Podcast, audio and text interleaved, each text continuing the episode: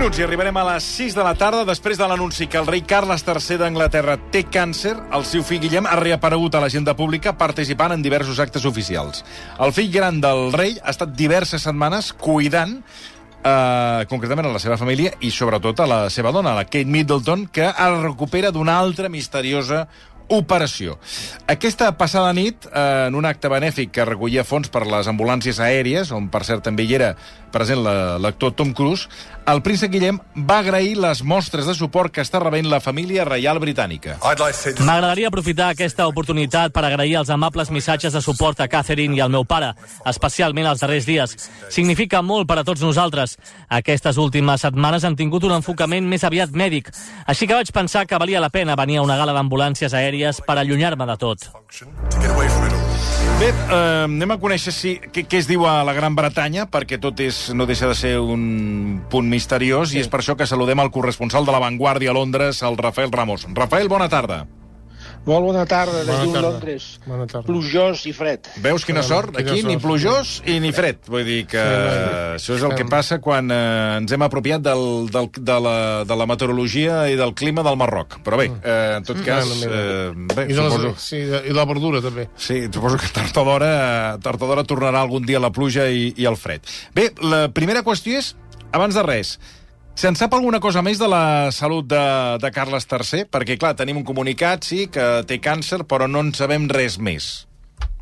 No, això és el que sap, eh, eh, el que sabem, que el, rei, que el rei Carles III té càncer, que no és càncer de pròstata, que ha començat un tractament que no s'explica en què consisteix a una clínica, a la London Clinic del centre de Londres, eh, que és anat amb la reina Camila a la residència que tenen a Sandringham, eh, i bàsicament això.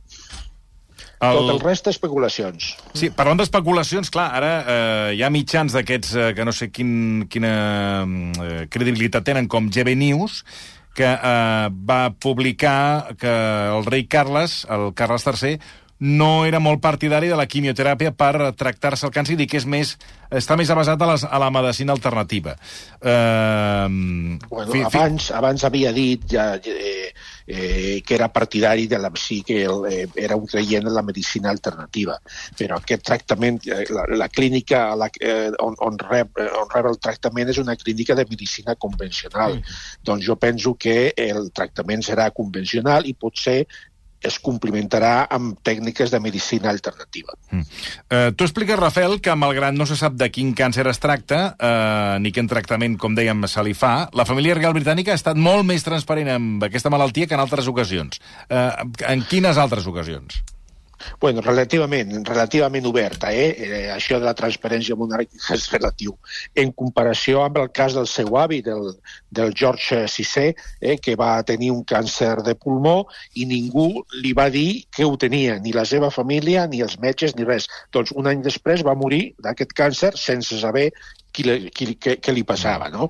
En comparació amb això, sí, és, és, és molt més obert perquè bueno, els, els temps han canviat i amb les xarxes socials i amb tot és impossible ocultar aquestes coses. Però, eh, com, com estem parlant, el, el, el que s'ha dit és molt poc. Parlant de, de dir poc, pràcticament encara menys s'ha dit de Kay Middleton, que va ingressar, es va explicar que s'havia fet una, una operació... Una cirurgia abdominal planificada. Exacte, i a partir d'aquí no hem conegut res més. També allò que dèiem en la rumorologia s'ha parlat de si va arribar a estar intubada. Bé, se, se sap alguna cosa més de la salut? És a dir, de Kay Middleton ja, ja ha sortit de l'hospital, està a casa, què en sabem? Sí, ha sortit de l'hospital està a casa, eh, no hi ha fotos ni res d'ella, eh, eh, i aquestes especulacions que vosaltres heu vist de si, ha, si Sí. sí. perquè s'ha passat 15 dies a l'hospital, sí. alguns diuen que una infecció, que una histerectomia, que s'ha complicat el postoperatori, que va anar bé inicialment i després el postoperatori no, eh, bueno, moltes coses, perquè dues setmanes a l'hospital és, és molt i hi ha moltíssimes es, especulacions. Eh, però bueno, eh, ja s'havia dit abans que no tornaria a, a, a fer compareixences públiques fins a Setmana Santa. Ja s'esperava inicialment eh, que això eh, fos una mica complicat. Um, a Gran Bretanya, que és eh, un dels llocs on els tabloides, els periodistes, sempre s'especulen uh, especulen amb tota mena de, en fi, de, de, de comentaris, uh, també hi ha una fotografia que crida l'atenció, que és que el príncep Guillem va reaparèixer ahir, com deia, molt més prim, i hem vist en unes imatges que se'l veu eh, de, eh, potser un, un, punt, un punt com demacrat. Jo no sé si és la situació... Demacrat, Toni, i movent-se, està en un punt quiet, i la càmera l'enfoca de costat i es veu com va balancejant-se endavant, enrere. No està Això quiet. són nervis. Està com, com si no estigués No, ferm. són no, nervis. No sé. Bueno, nervis o, o potser eh, l'estrès prou o fort, no, o no, no sé, sé. no sé, Rafael, si això també es comenta o no es comenta, perquè clar, Bueno, tenim mira, el rei Carles temps- III amb càncer, la Kate el- Middleton desapareguda, el príncep Guillem Mm, que, demacrat, demacrat. demacrat. Bueno, no sé, eh, què, què es diu aquí? Mira, als temps de la Guerra, mira, als temps de la Guerra Fria hi havia una ciència que es diu la kremlinologia, Mm. on els, el, i els experts especulaven el que passava dintre de les muralles del Kremlin, al Liburó, eh, llegint coses i parlant amb gent i una mica tot especulatiu. I aquí tenim ara la, la Windsorologia mèdica, no?, que especula sobre què li, passa, què li passa al rei, què li passa a la Kate i què li passa al Guillem.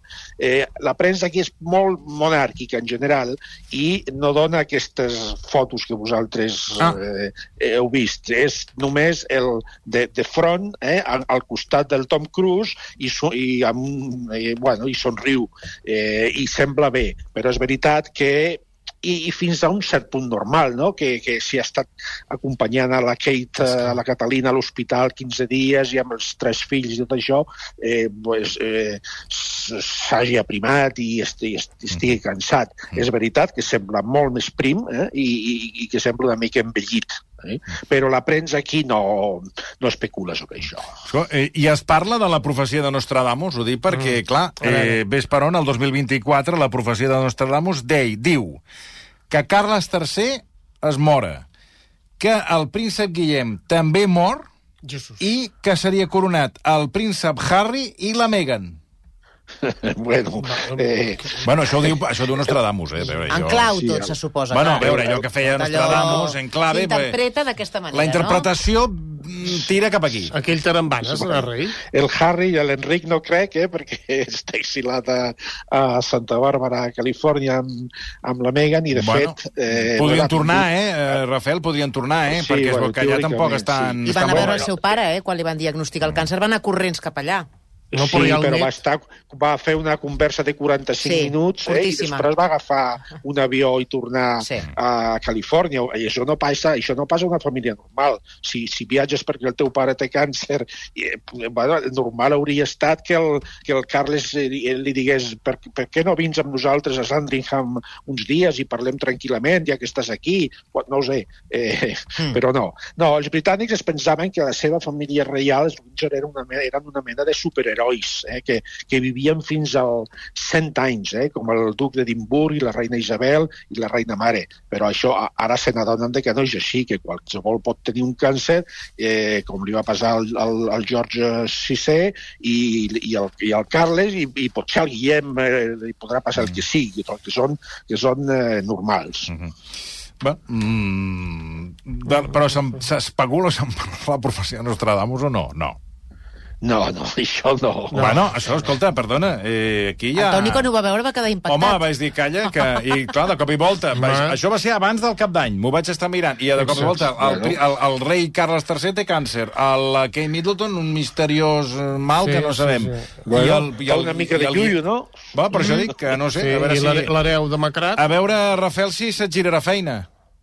Sí. Home, per favor, quines ganes. Bueno, no se sap mai, és que aquestes coses no se sap mai. Se sap mai quan la cosa peta. Ja li va dir sa mare que no es fiqués Carlos de nom. Ja li va dir sa mare. Els altres dos Carles van fer la fi del cagalàsdics. Bueno, eh, I el sí. Jorge també, per això diu, va dir el Jorge. Sí, però el Carlos tampoc. Ah, Ell bueno. tenia altres noms per ficar-se com a rei. I no va voler. I li va dir sa mare. I tot per no escoltar sa mare. La reina, eh? Sí, sí, no, no, clar, clar, no, que, que vol que sigui. Eh, Rafael, moltíssimes gràcies, una abraçada. A vosaltres. Gràcies, bona tarda.